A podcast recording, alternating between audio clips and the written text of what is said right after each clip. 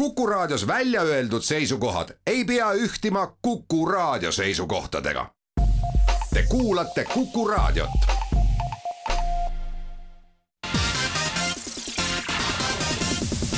nädala Tegija. tere päevast, Nädala Tegija alustab. vabariigi Valitsus olukorras, kus koroona on natukene rohkem jälle pead tõstmas, on kehtestanud uued piirangud, uued korraldused ja loomulikult on need korraldused alati mitmeti tõlgendatavad, inimestel on erinevad arusaamised ja kindlasti on sellistel hetkedel ka väga palju küsitavusi. üks inimene, kes Eesti Vabariigis ei karda kunagi küsida, on õiguskantsler Ülle Madise. ja täna Nädala Tegijas räägimegi Ülle Madisega piirangutest, aga ma ise arvan, et natuke rohkem vabadustest, tere päevast! tere päevast! no sa oled öelnud, igaks juhuks ütlen ka saate kuulajatele, et kuna me oleme vanast ajast kolleegid olnud ja Riigikogu majas aastaid kokku puutunud, siis ei hakka teiet mängima, et, et saade ei muutuks vahepeal teie, vahepeal sina formaadis ja räägime sina. sa, Ülle, oled öelnud, et alguses on ettevaatus kohane. No põhjendades kahe tuhande kahekümnenda aasta piiranguid, kui meid noh, sisuliselt ütleme nii, et maailm kinni pandi ja mulle küll tundus, et ühiskond valdavalt sai sellest ka väga hästi aru. aga niipea, kui asjad on eh, noh, rohkem selgeks saamas, tuleb hakata raskeid eh, riigimehelikke otsuseid tegema ja tuleb hakata ka neid otsuseid paremini põhjendama. Me oleme nüüd poolteist aastat selle koroonakriisiga võidelnud või heidelnud või selles elanud. mis meil on selle ajaga selgemaks saanud, kui sina mõtled erinevatele piirangutele, mida erinevad valitsused siin aja jooksul on kehtestanud ja noh, asetad meid sellest kahe tuhande kahekümnenda aasta märtsikuust tänasesse päeva? et kui siin viitan mõne piirangu mõjususele või siis selle, selle haiguse omadustele, et siis muidugi saan tugineda üksnes äh, nendele andmetele ja teadmistele, mis pärinevad vastava valdkonna spetsialistidelt. nii et ärge pange seda mulle pahaks, et äh, loomulikult ei arva ma, et mina teaks, kuidas haigusi ravida või kuidasmoodi viirused muunduvad, samuti mul ei ole epidemioloogia eriteadmisi, äh, küll aga nii minu nõustajate hulgas ametkonnas kui ka siis Vabariigi Valitsuskabineti istungitel, kus õiguskantsler vastavalt oma põhiseaduslikule rollile eh, siis sõltumatult eh, osaleb, on olnud võimalus tõesti selle kriisi algusest peale nende ekspertide infost osa saada. kui kriis algas siis oli oletus, täpselt nii, nagu Tartu Ülikooli rektor Toomas Asser, kes on erialalt arst ja väga tunnustatud arst, väga tasakaalukas inimene, kindlasti oskab lugeda teadusartikleid ja ka siis erinevalt minust kindlasti hinnata neid meditsiini ja epidemioloogia küsimusi, et siis algul oletati, et see haigus on väga-väga nakkav, väga surmav ja ei olnud ka teadmisi, et millised jäljed see inimese organismi jätab, kui inimene ka sellest haigusest paraneb ja loomulikult siis oli see äärmine ettevaatus igati õigustatud ja minu arvates see rahva mõistlikkus tuli väga hästi välja ka just selles, et isegi kui valitsus tegelikult ju ei pannud asutusi, ettevõtteid kinni, ei keelanud restoranis süüa, et siis inimesed lihtsalt ei teinud seda. et väga paljud inimesed ka poest tulles desinfitseerisid äh, toidukauba et paljudel kulus selleks kaheksakümne kraadist viina õige mitu pudelit, mida nad tõesti ei joonud, vaid kasutasid desoks. Ehm, inimesed hoidsid poes üksteisega distantsi, sest tollal isikukaitsevahendeid ei olnudki saada. ja Eesti õnneks ju sellest esimesest lainest väga kõvasti pihta ei saanud. nii nagu ei saanud ka Soome tollal väga kõvasti pihta, kahjuks said siin Euroopas väga kõvasti pihta Itaalia just äh, oli ju olnud seal koolivaheaeg ja suusakuurortid ja nii edasi, ja teiseks äh, sai väga kõvasti pihta Rootsi, kus see siis läks äh, sisse vanadekodudesse, kus oli väga palju väga hapras eas inimesi. Ja nüüd kahjuks see, mida, mida ka siis õiguskantsleri ametis näen, on, et inimeste enamus kahjuks ei ole valmis sõltumatult nõustuma sellega, et mida ütlevad analüüsid erinevate piirangute toimivuse kohta erinevates riikides? Et näiteks kui selgitada, et Rootsis on lähtutud ühena vähestest eranditest üksnes epidemioloogilisest teadmisest ja keelatud seda, mis on siis tõepoolest selgelt nakkusohtlik, aga üldiselt püütud hoida meeleolu hea, piiranguid nii vähe kui võimalik, mitte kunagi pole kantud maske, sest lihtsalt nende peaepidemioloog ütleb, et üldpopulatsioonis ei kanta korralikult ja sellisel juhul ei ole mõtet seda kohustust seada, et see pigem võib mõjuda depressiivselt, ta võib mõjuda tüliõunana, sest ühed inimesed tahaks, et kõik kannaks, teised ei taha kanda, enamik on tõenäoliselt neid, keda lihtsalt see kemplemine tüütab, et mina näiteks kuulun ka nende inimeste hulka, et kui äh, kanda isikukaitsevahendeid, mida ka mina näiteks meditsiiniasutuses või kontrollkäigul kindlasti teen, et siis tuleb kanda õiget maski ja õigesti ja see on ka võimalik, kui seda teeb ebaprofessionaalne kandja lühiajaliselt kontrollitud keskkonnas. aga kas või seda teadmist väga paljudel põhjustel enamik riike ei ole valmis aktsepteerima ja ainuüksi, kui sa hakkad Rootsi näitest rääkima, siis öeldakse otsekohe, et aga seal on nii palju surmasid ja nii, nii, nii. jah, kahjuks oli esimeses laines, aga see pole kuidagi seotud nende piirangutega või vähemalt seni ei ole teada, et oleks. nii et minu arvates üks õppetund on see, et võiks täiesti julgeda analüüsida kas või sedasama Rootsi kogemust ja praegusel hetkel äh, nakatumisnäitajates äh, pigem läheb Rootsil väga hästi ja samal ajal elu on enam-vähem lahti, aga erinevalt paljudest teistest riikidest, ka Eestist, seal ka laine põhjas olles äh, vaktsineerimata inimestele nakkusohtlikku massitegevust ei lubatud. mitte kordagi. ja niimoodi ei tulnud ka sellist tagasilööki. kui me nüüd Eestit vaatame ärme hakka esialgu vähemalt üksik, üksikotsuseid või üksikjuhtumeid vaatama, aga kas iseenesest noh, sinu kui õiguskantsleri, teiselt poolt sinu kui kodaniku meelest on mingeid vabadusi üleliigselt piiratud, noh siit eelmisest vastusest juba vihje tuli, aga, aga on selline tunne, et, et noh, et tehakse selle tõttu, et massid nõuavad ja noh, poliitikul on siis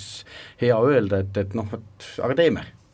kas neil just hea öelda on, sest äh, ega valitsuse raskus siin ju seisnebki selles, et keegi ei tea lõpuks, mis on õige. ega me ju lõpuni seda viirust ikka ei tunne. ja me ei tea, millised võivad olla geenivariandid ja nii edasi, ega valitsus ei tea, mis on õige. ja alati on ühe osa jaoks ühiskonnast neid otsuseid liiga palju, teiste jaoks on neid vähe ja alati tuleb arvestada sellega, et kui siis nakatunute arvud, mida tegelikult täna pole mitte mingit mõtet vaadata, aga paraku neid vaadatakse, et ainus asi, mida tuleb vaadata, on haigla prognoos, et kui siis need arvud kasvavad, et siis kahjuks ei jagu riigimehelikkust ei avalikkusel ega sageli ka opositsioonipoliitikutel ja nii oli see nii eelmise valitsuse ajal, kui on praegu, ja hakatakse süüdistama, et miks ta õigel ajal ei teinud. nii et valitsus on siin mingis mõttes tõesti pantvang, aga vastus küsimusele, et kas äh, mingid piirangud on olnud ülemäärased, meie ametkonna hinnangul jah, et äh, teises laines äh, see, et näiteks keelati inimestel minna tohutult suurtesse aiandus- ja ehituspoodidesse kevadel, et suruti inimesed õuealadele, sisuliselt jäeti mõistliku ostmisvõimaluseta need, kes ei ole suured e-poe külastajad ja noh, tegelikult kes näiteks kas või ehitusega kokku puutuvad, teavad väga hästi, et teinekord see nurgik või kruvi, mis sul on tarvis, et noh, sa pead ta peost läbi laskma ja, ja ei oska see neiu või noormees, kes seal teenindab, sulle seda õigest riiulist tegelikult tuua. ja ära unustati seegi, et kui sul on vaja näiteks äh, katki läinud rattapakiraami remontimiseks noh, nelja konkreetset äh, kruvi, eks ole, siis äh, noh, neid sai e-poest osta näiteks saja kaupa et, et no ühesõnaga igas mõttes see piirang oli täiesti arusaadamatu. no loomulikult ei ole mõtet panna kooli kinni väikesaarel, kus pole ühtegi nakatunut noh, täitsa jaburaks muutus olukord siis, kui keelati inimestel saunas käia. ja niimoodi oli ka üks noh, meie ametkond naerab, et oli nagu aastakiri, kus inimene kirjutas, et kulla valitsus, et millal te pesta lubate. et nüüd ilm on hirmus külm, et vesi jäätub ära, et olen siin lumega hõõrunud, aga noh, et, et nüüd nagu enam ei jaksa. et siin meie külas nakatunuid ei ole ega ole olnud, aga meil siin oli oma saun, et kus me siis käisime, et noh, mehed üks päev, naised teine päev ja et ei, me siin distantsi hoiame ja kõik, aga et, pai valitsus, et millal jälle pesta tohib. et noh, ja siis muidugi on neid otsuseid ju ka lõdvendatud, nii et noh, näiteks saunad tehti siis äh, nende inimeste jaoks, kellel kodus veevarustust ei ole, tehti ju lahti, eks ole. või miks tuli ära keelata üksinda rajal ujumine? või miks tuli tennisemäng ära keelata või miks ei tohtinud näiteks äh, Tallinnas kergejõustikuhallis äh, väga noh, mitmekümnemeetriste vahedega jätkata individuaaltreeninguid et inimesed, kes oleksid käinud kohapeal, oleksid näinud, noh, mina seal käin regulaarselt, et oleksid näinud, et kõikjal olid üleval sildid, et kuni üheksa tuhat kuussada eurot sunniraha, kui hajutamisreegleid ei täideta, lisaks olid isegi kõikides saali nurkades, on ta siis jõusaali nurk või, või muu, oli isegi kirjas, et mitu inimest tohib olla ja mitu meetrit peab vahet olema, nii et noh, et neid piiranguid põhjendatuks pidada on äärmiselt keeruline, aga jälle ei taha teha ülekohut valitsusele, sest et seda, et kõikidel kõik ära keelatakse, seda ju avalikkus nõudis. siinkohal kuulame korraks reklaami, jätkame juttu Ülle Madisega pärast seda. nädala Tegija. nädala Tegija jätkab, saates külas Eesti Vabariigi õiguskantsler Ülle Madise, mina olen Meelis Atonen, räägime piirangutest no ma ei tea, ma täna, täna seda, tänaseks saadet ette valmistades vaatasin natukene äh, olukorda noh, natuke laiemalt maailmas ja eh, ma ei tea, kas, kas selline üldine pilt on, et Eesti on noh, jäänud ikkagi kogu selle kriisi vältel et äh, ärme võib-olla poliitikasse isegi mine, et, et võtame nagu valitsust üldnimetajana ja, ja mitte, mitte konkreetselt ei hakka rääkima ühest või teisest valitsusest, aga et kogu selle kriisi vältel võib-olla see esimene ehmatus välja arvatud, kui kogu maailm ehmus, aga et Eesti on tegelikult olnud suhteliselt vaba või selline tolerantne või liib-, noh, ka piirangutes suhteliselt vähe neid rakendanud, ma ei tea, ma vaatasin, mis Uus-Meremaal toimub praegu või Austraalias või kus põhimõtteliselt on komandandi tunnid ja asjad, et noh, Eesti on selle koha pealt ikka suhteliselt mõistlik olnud jah, sellega täiesti nõus ja, ja olen ka korduvalt nii eelmist kui praegust valitsust äh, sellest tunnustanud. ega see kerge ei ole, sest et veel kord, inimeste ootused lähevad väga lahku ja need muutuvad ka ajas ja valitsusel on tõesti, eriti selles kaasaja demokraatias, ähm, väga keeruline äh, teha üksnes loogiliselt põhistatud otsuseid, kui inimesed tahaksid ikkagi selgelt midagi muud. nii et äh, meie valitsused mõlemad on olnud äh, minu arvates äh, võrreldes tõesti teistega igati riigimehelikud, täitsa nõus. kas selline asi, mis toimus selle aasta algul, kui uus valitsus sai ametisse ja noh, nad said päris karmi piirangut, mäletad, siis oli see olukord, kus noh, võib-olla mingitest ka natuke varasematest otsustest, aga noh, valitsus tegelikult ka ise see uus valitsus noh, mingeid piiranguid ei tahtnud rakendada ja pigem üritas elu veel lahtisemaks teha. ja siis tuli noh, ma, mulle küll tundub, et avalikkuses tuli päris selline karm kriitika, et, et näete, et nüüd te lasite ohjad nagu käest ära, et et kas võib olla, et eh, noh, poliitikud, kes kriitikat iseenesest ei taha, et, et nüüd järgmistes eh, olukordades hoiavad sellist asja meeles ja siis vastavalt sellele kipuvad ka üle reageerima? Või noh, ma, ma olen su artikleid või intervjuusid lugenud ja seal mõnel pool sa kasutad ka seda väljendit, et noh, et, et populistlikke otsuseid natukene, et, et noh, et need piirangud, ma ei tea, osade jaoks, ma arvan, vanad pensionärid, osad ütlevad kõik kinni, et, et mis te siin jamate ja noh, nad on nagu, nagunii suhteliselt eraldatud elu elavad ja neid see kõik ei mõjuta, aga aga et noh, kas see on üldse selline populaarne värk, et, et äkki on nii, et nad lihtsalt kardavad jälle uuesti nahutada saada? ma usun küll ja see on täiesti arusaadav, et sellele kutsungi üles, et katsume kõik ennast mõelda ka üksteise rollidesse ja loomulikult valitsus sellega arvestab, ma lihtsalt ühte asja korrigeeriks, et kui nüüd see valitsus ametisse asus, siis äh, tegelikult enne neid oli nakkusohtlik massitegevus siseruumis lubatud. et ähm, ja, ja noh, seda on ka näidanud, vähesed julgevad sellest valjul häälel rääkida, et ega see viirus liigub lainetena nii, nagu ta liigub ja kui ei rakendata sellist noh, ma ütleks, et inimõiguste kaitse seisukohalt jõhkrat süsteemi, nagu seda teeb Uus-Veremaa, et ega siis seda levikut ära ei hoia, et, et kahjuks ei ole vahet riikidel, kes siin on väga karme lockdown'e teinud, siin Kreekat näiteks väga jälgin ja Luksemburgi, noh, Kreekat eriti, kus olid ikka väga karmid lockdown'id, kõikidel igal pool kogu aeg maskid ees, politsei tegi trahvi, kui keegi korraks nina välja pistis, no ei hoidnud see ära seda lainet, ei hoidnud ju ka Eestis ära et sellele nagu väga vaadata ei taheta, sest et, et siis tuleb jälle nagu kriitikat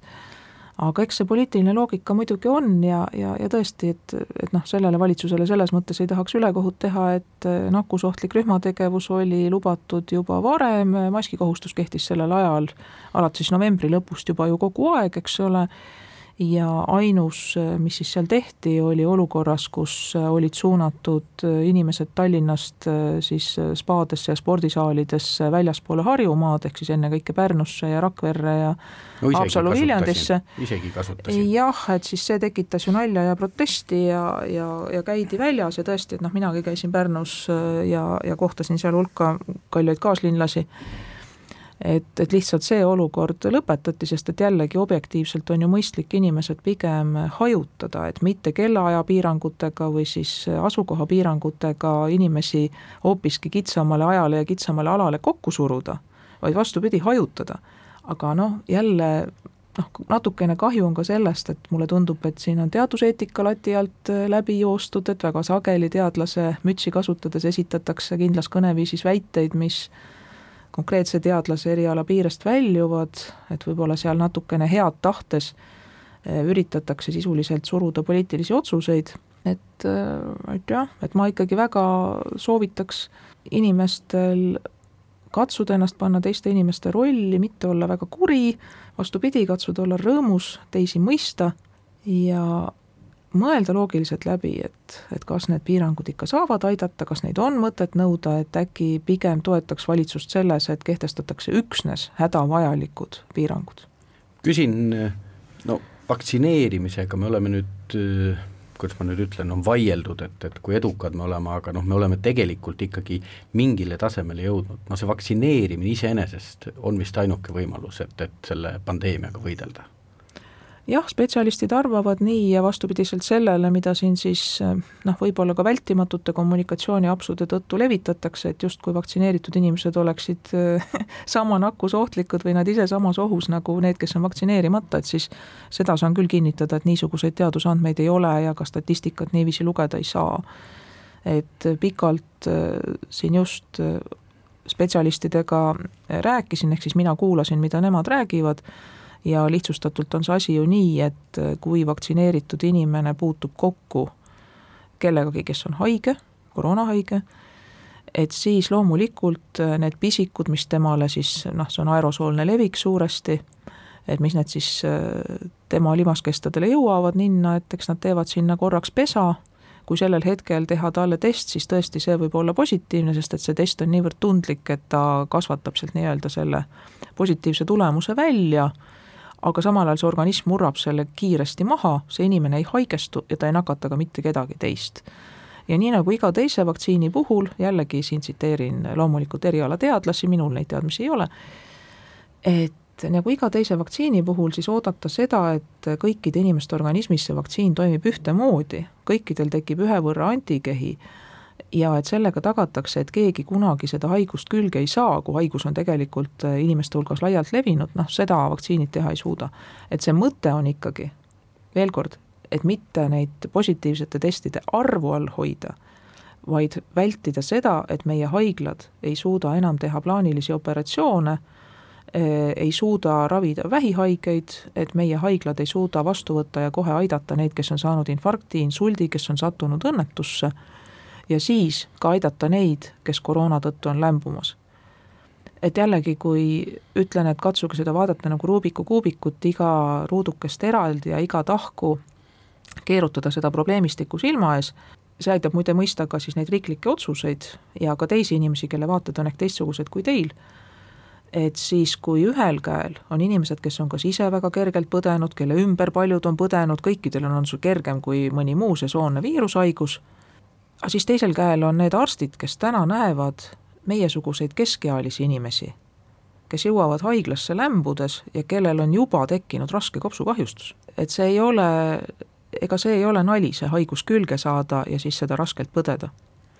siinkohal kuulame korraks reklaami uudiseid koroonaviirusest ja vabadusest, Ülle Madisega jätkame pärast seda. nädala Tegija nädala Tegija jätkab, täna saates õiguskantsler Ülle, Ülle Madise, mina olen Meelis Atonen ja räägime ikka piirangutest, aga mina ise arvan, et räägime rohkem ka nende piirangute sees ja nende üle arutledes ka vabadusest, sest ega inimese vabadus on võib-olla väga suures ohus, kui massi, masside soovide järgi tantsides poliitikuid oma otsused teevad. räägime nüüd vaktsineerimisest, no Eestis on väga palju räägitud vaktsineerimise tehnilisest kulust, selles mõttes, et eh, ega meil midagi liiga kiita ei ole, ühelt poolt on see, et, et meil väga paljud inimesed ei usu vaktsineerimisse ja teiselt poolt ega riik ei ole seda vaktsineerimist, kui nüüd minna tavakodaniku tasemele, mingil hetkel ikkagi oli see lausa halvasti korraldatud ja eeldati, et tavakodanik näiteks eh, ma ei tea, Kärsnast peaks tulema kuskile suurde keskusesse vaktsineerima ja nii, aga noh, tänaseks hetkeks tundub, et mingi mõi-, mõistmine on kuskile jõudnud, aga iseenesest kui nüüd meil on mitut ma ei tea, kas nii sobib öelda, aga et mitut sorti inimesed, ühed, kes on vaktsineerinud, teised, kes ei ole vaktsineerinud, noh sellel põhjusel ma eraldaks neid inimesi, sellel põhjusel, et neil on noh, mingi reaalne kuidas ma ütlen, võimetus saada vaktsiini tänu tervisele või tänu mingitele meditsiinilistele ettekirjutustele ja siis on kolmas grupp inimesi, noh, kes vaktsiini ei usu, piltlikult öeldes, ma neid teist ja kolmandat väga eristaks, mulle tundub, et vahepeal need grupid omavahel kipuvad sassi minema ja seal osad võtavad ise veendumuste järgi mitte vaktsineerides, võtavad viigileheks selle, et, et, et osadel arstid ei luba, aga nad ise võib-olla sinna üldse ei kuulu, aga kui nüüd seda noh, ütleme seisuseid või ma ei oska öelda, neid gruppe eraldi vaadata, siis valitsus on hakanud tänasel hetkel väga selgelt erinevaid nõudmisi esitama, kus nendele grupi liikmetele on ka noh, ütleme siis erinevad barjäärid, et kas kõik selline tegevus iseenesest on põhiseaduse kohane igaks juhuks ütlen ära, et mina olen vaktsineeritud ja vaktsineeritud kohe, kui see tavainimestele kättesaadavaks sai ja selles mõttes äh, ma ei ürita endale mingit õiguslikku kaitset leida nüüd. Mina olen ka vaktsineeritud AstraZenecaga niipea, kui see äh, võimalikuks sai no, täpsemini. me oleme vaktsiiniõed ja vennad. Jah, aga nii nagu vaktsiinide kättesaadavaks saamisest alates olen rääkinud, siis vaktsineerimise vabaduse põhimõte on äärmiselt oluline ja tegelikult me kõik, kes me oleme vaktsineeritud või mis tahes põhjusel ei ole vaktsineeritud, ei tohiks üksteist üksteise valikute ja võimaluste pärast süüdistada, halvustada, survestada, see ei vii mitte kuskile. et igasugune ravi ja kehalisse puutumatusse sekkumine juriidilises terminoloogias, see eeldab inimese vaba tahet, et sundravi näiteks, et see on ikkagi lubatud üksnes väga erandlikel juhtudel ja, ja nii on ka täiesti õige. ja selles asjas mulle teebki muret, et,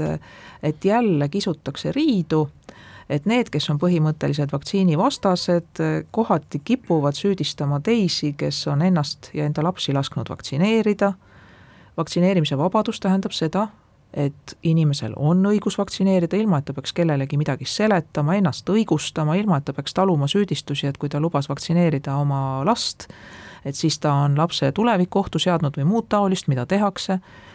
et vaktsineerimise vabadus tähendab seda, et sa kas vaktsineerid või ei vaktsineeri, sa ei pea seda kellelegi seletama ja sa ei pea taluma mingisuguseid rünnakuid.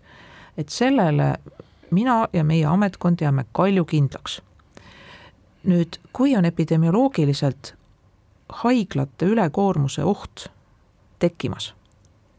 siis loomulikult tuleb kehtestada piiranguid üsna selge on asi äh, nakkusohtlike massiüritustega, nagu näiteks siseruumis äh, rokk-kontsert, äh, väga valjud helid, inimesed üksteisele väga lähedal, elavad jõuliselt kaasa, hingeõhku, süljepritsmeid kõike lendab, nagu me teame omast kogemusest, vähemalt noorusajast, et loomulikult siis sellised üritused kas keelatakse üldse piiratakse seal osalejate arvu, kehtestatakse seal siis äh, antud juhul näiteks koroonatõendi nõue, et inimesed, kes sinna saavad minna, peavad siis näitama, et nemad on vaktsineerimiskuuri läbinud, on saja kaheksakümne päeva jooksul läbi põdenud, et või siis on saanud teha äh, värske testi ja näitavad, et nad parasjagu ei ole haiged ja neil ei ole seda positiivset proovi. täiesti arusaadav, epidemioloogiliselt vajalik. edasi, niisugune üldkohustuslik meede, et iga kohvik ja iga muuseum ja ja, ja mis tahes siis iga, iga muu, noh, ma ei tea, jõusaal, kergejõustikuhall, et kõik peavad siis kõikidelt küsima eh, vaktsiinitõendit, et jällegi selline üldine kohustus selle asemel, et ettevõtja ise otsustaks, et mina tahan teenindada ainult koroonatõendiga inimesi, see on tema valik, eks ole, teine võib-olla otsustab, et mina lasen sisse ka neid, kellel seda tõendit pole, eks ole, hoopiski hajutan, eks ole, vastavalt, ei luba üle kahe inimese lauda, no mis iganes. aga täna ettevõtjatelt seda vabadust äh, ei ole ja valitsus on kehtestanud üldise korra. kas see saab olla põhiseaduspärane, kui see on epidemioloogiliselt möödapääsmatult vajalik? ja seda olen ka selgitanud, et mingil juhul ei tohi koroonatõendi nõuet kehtestada selleks, et inimesi lüüa kahte lehte, panna vaktsineerimata inimesi ennast halvasti tundma ja sundida neid vaktsineerimast, et see oleks siis juba vaktsineerimisvabadusega vastuolus. hetkel ei ole põhjust öelda, et meil ei oleks sellist olukorda, mis õigustaks koroonatõendi küsimist laialt. aga loomulikult oli olemas alternatiiv, et see jääb ettevõtjate enda otsustada, et kas nad siis rakendavad muid meetmeid, nagu öeldud, näiteks hajutamist, või siis küsivad koroonatõendit nii et jah, see on see meie vaade, aga praegusel hetkel ütleks, et kui see on epidemioloogiliselt möödapääsmatult vajalik, kui see on alternatiiv sellele, et spordisaal ja kohvik pannakse üldse kinni, kino pannakse kinni,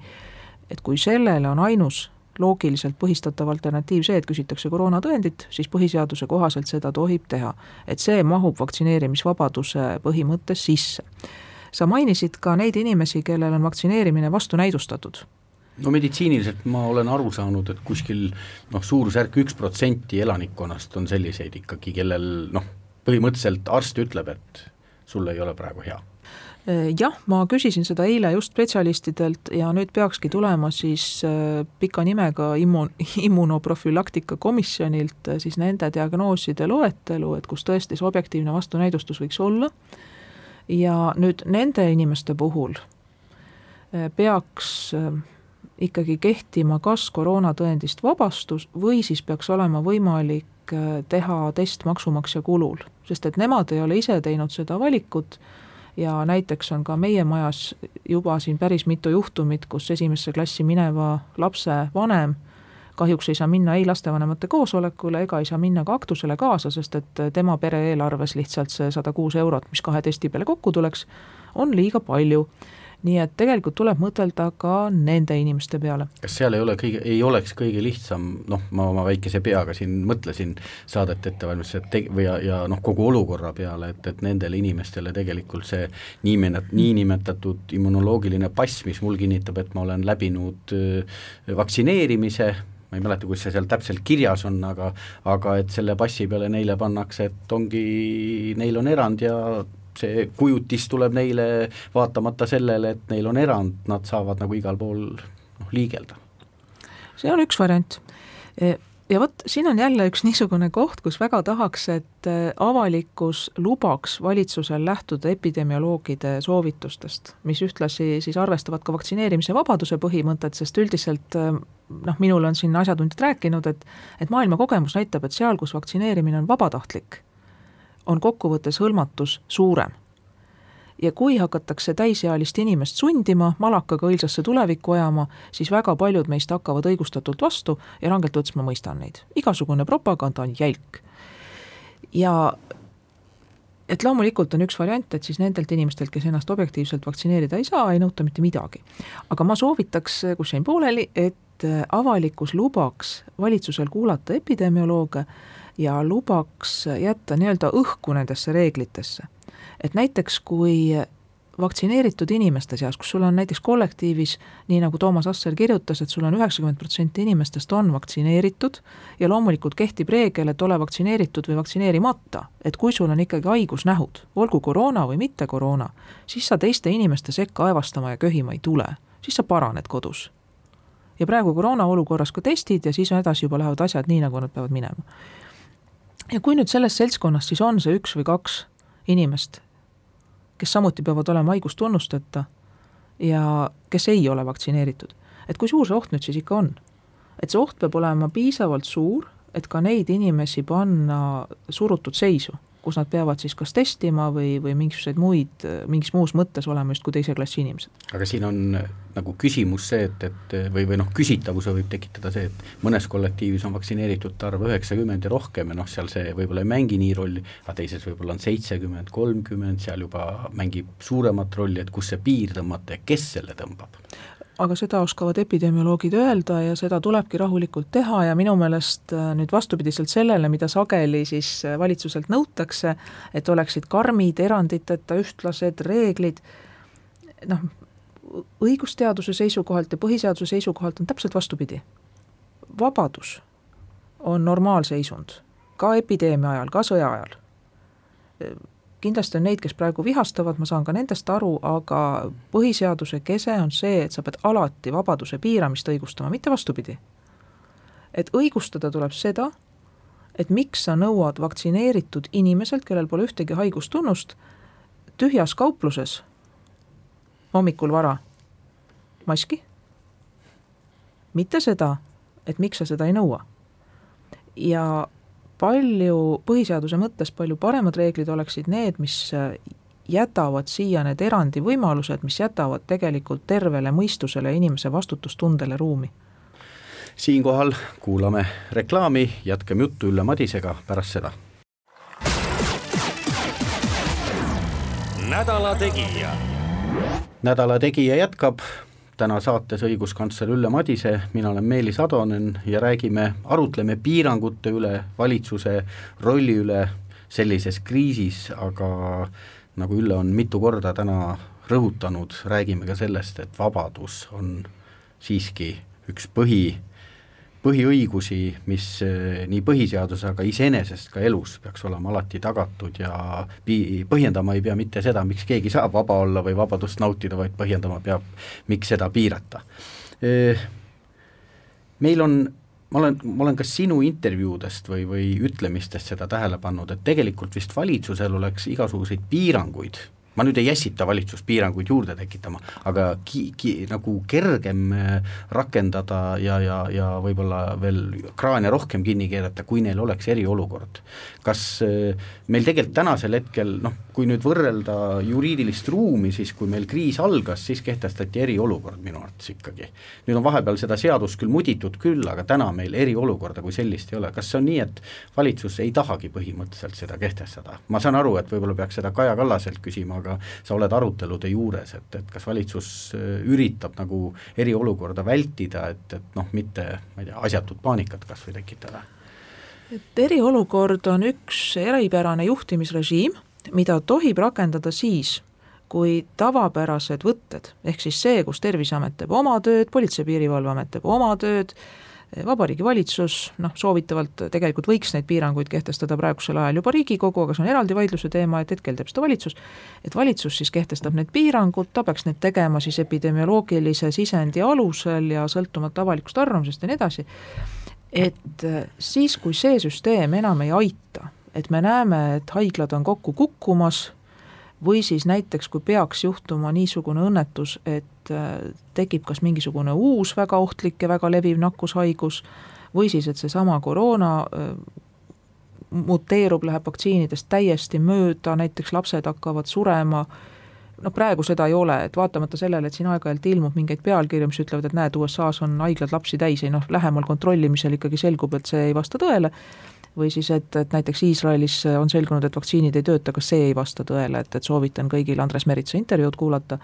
et esiteks on seal vaktsiiniga hõlmatus väga madal, väga suur on eh, nende inimeste hulk, kes põhimõtteliselt ei vaktsineeri, rahvastiku tihedus on kõrge ja ka muud näitajad ei ole need, millest on räägitud. aga ühesõnaga, et kui peaks tekkima olukord, kus tõesti on oht, et meie tervishoiusüsteem kukub kokku,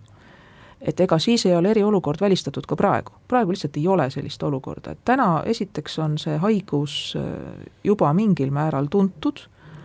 meie õed ja arstid, haiglad teevad kohutavalt rasket tööd, päriselt, kes seda ei usu, et siis rääkige kellegagi, kes seal intensiivravis töötab ja pärast seda te enam ei kahtle selles, kas koroona on olemas ja kas see on raske. et see on raske nii sellele, kes põeb, kui sellele, kes teda võetab. et nii emotsionaalselt kui füüsiliselt. et aga hetkel ikkagi need inimesed, kes seal on haiglas raskes seisus, jah, kahjuks need on seal, nendega tuleb kõvasti vaeva näha, neil on endal raske, teistel on raske, aga neid ei ole nii palju, et oleks põhjust teha eriolukord, hakata siis pea, peaministri väga kiirete korraldustega seda juhtima et täna tundub, et vaktsiinid ikkagi õnneks jätkuvalt töötavad, raskeid haigestumisi hoiavad ära, haiglasse sattumisi üldiselt hoiavad ära, et lihtsalt siin tuleb tähele panna ka seda, et eks haiglasse satub inimesi ka muu hädaga, et olgu see pime sool või või, või raske jalalumurd, ja kui nüüd test osutub positiivseks, siis ta läheb sinna statistikasse, aga see inimene ei ole haiglas sellepärast, et ta hakkas kodus lämbuma, vaid sellepärast, et lihtsalt pos-, test oli positiivne juhuslikult et tunnusmärke ei olnud iseenesest, ta ise ei saanud aru, et tal see haigus on. just, ja no võib-olla ei olegi, et ega see võis olla ka valepositiivne test, see võis olla mingisugune jääk, see võis olla vaktsineeritud inimese hetkeline siis nii, nagu enne räägitud, et ninast tekkis väike pesa, organism murrab maha, inimene ei nakatu, ei, ei haigestu ise, ei nakata kedagi teist. nii et ühesõnaga jah, et hetkel haiglates olukord on noh, nigel, oleks parem, kui oleksime nii kaugel, et meil koroona pärast keegi haiglasse ja juhitavale hingamisele minema ei peaks aga kindlasti see olukord pole nii raske, et siin õigustada eriolukorda ja öelda, et see praegune juhtimisskeem ei toimi. nii et, et jah, et seda eriolukorda ei müstifitseeriks üle, et lihtsalt see on üks juhtimisvõttestik ja kahjuks või õnneks on nii, et, et kui peaks tekkima mingisugune järgmine sarnane või muu kriis, kus enam normaalsed toimimismeetmed ei aita, et eks siis tuleb eriolukord jälle siis on see käik olemas, mida praegu ma ikkagi saan aru, et ei olegi põhjust noh, praegusel hetkel ei ole põhjust iseenesest sinu seisukohast ka kehtestada õiguslikke aluseid selleks ei ole, sest seadus ütleb selgelt, et niisuguse režiimi peale tohib minna üksnes siis, kui teisiti tõesti ei saa. praegu õnneks teisiti saab. ja mida kõrgem on vaktsiiniga hõlmatus, jällegi austades vaktsineerimise vabaduse põhimõtet ja jättes rahule kõik need inimesed, kes ennast mingil põhjusel vaktsineerida ei taha või ei saa, et siis on lootust, et, et äkki niisugust ränka olukorda ka ei tule. ja siin kasutaks kohe võimalust öelda, et teate, osa inimesi eh, on tahtnud ennast väga vaktsineerida, aga näiteks saanud pärast AstraZeneca esimest doosi rasked kõrvalnähud, neile teist doosi AstraZenecaga ei tehta ja minu suureks jahmatuseks veel kaks nädalat tagasi, siis ühele konkreetsele inimesele, kes meie juurest abi otsis, ei tahetud mRNA põhist Modernat või Pfizerit siis teise doosina teha, sest ikka oli levinud kuulujutt, et niinimetatud ristvaktsineerimine pole lubatud. kinnitan üle, on lubatud, on isegi soovitav. nii et need, kes on jätnud AstraZeneca kuuri pooleli, et siis ekspertide hinnangul, kui need inimesed soovivad, et siis Pfizer või Moderna on täiesti lubatav ja need kogemused, mis meie majal on teada, kinnitavad, et, et kõrvaltoimeid ei olnudki, et, et täitsa rahulikult läks see asi mööda. küsin saate päris lõppu ühe isikliku küsimuse, et ma olen vaadanud äh, pikka aega sinu toimetamist õiguskantslerina ja noh, nüüd kriisi ajal muidugi eriti, et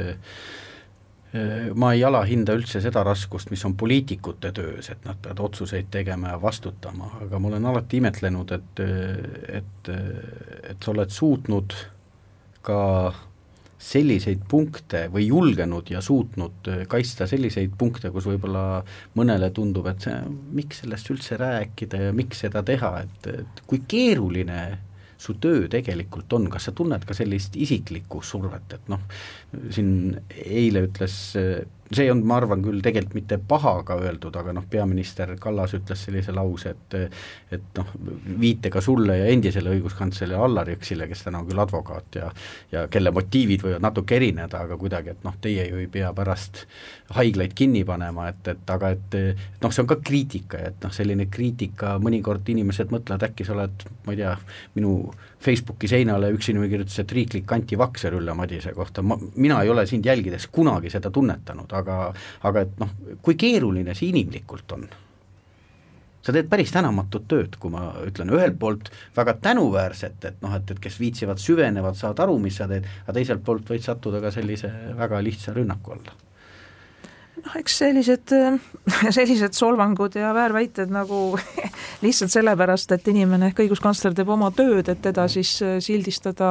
antivakseriks või või mingisuguse poliitilise või maailmavaatelise liini kandjaks, et eks need jäävad nende ütlejate endi südametunnistusele ja ja mina püüan seda võtta rahulikult ja neid inimesi mõista. noh, üldiselt ma arvan, et ega see töö ei peagi kerge olema ja, ja mina teen oma tööd igal juhul suure rõõmuga. Aitäh, Ülle Madise, jõudu sulle edaspidiseks ja mina küll imetlen seda, mis sa teed, jõudu! suur aitäh, ilusat päeva! nädala Tegija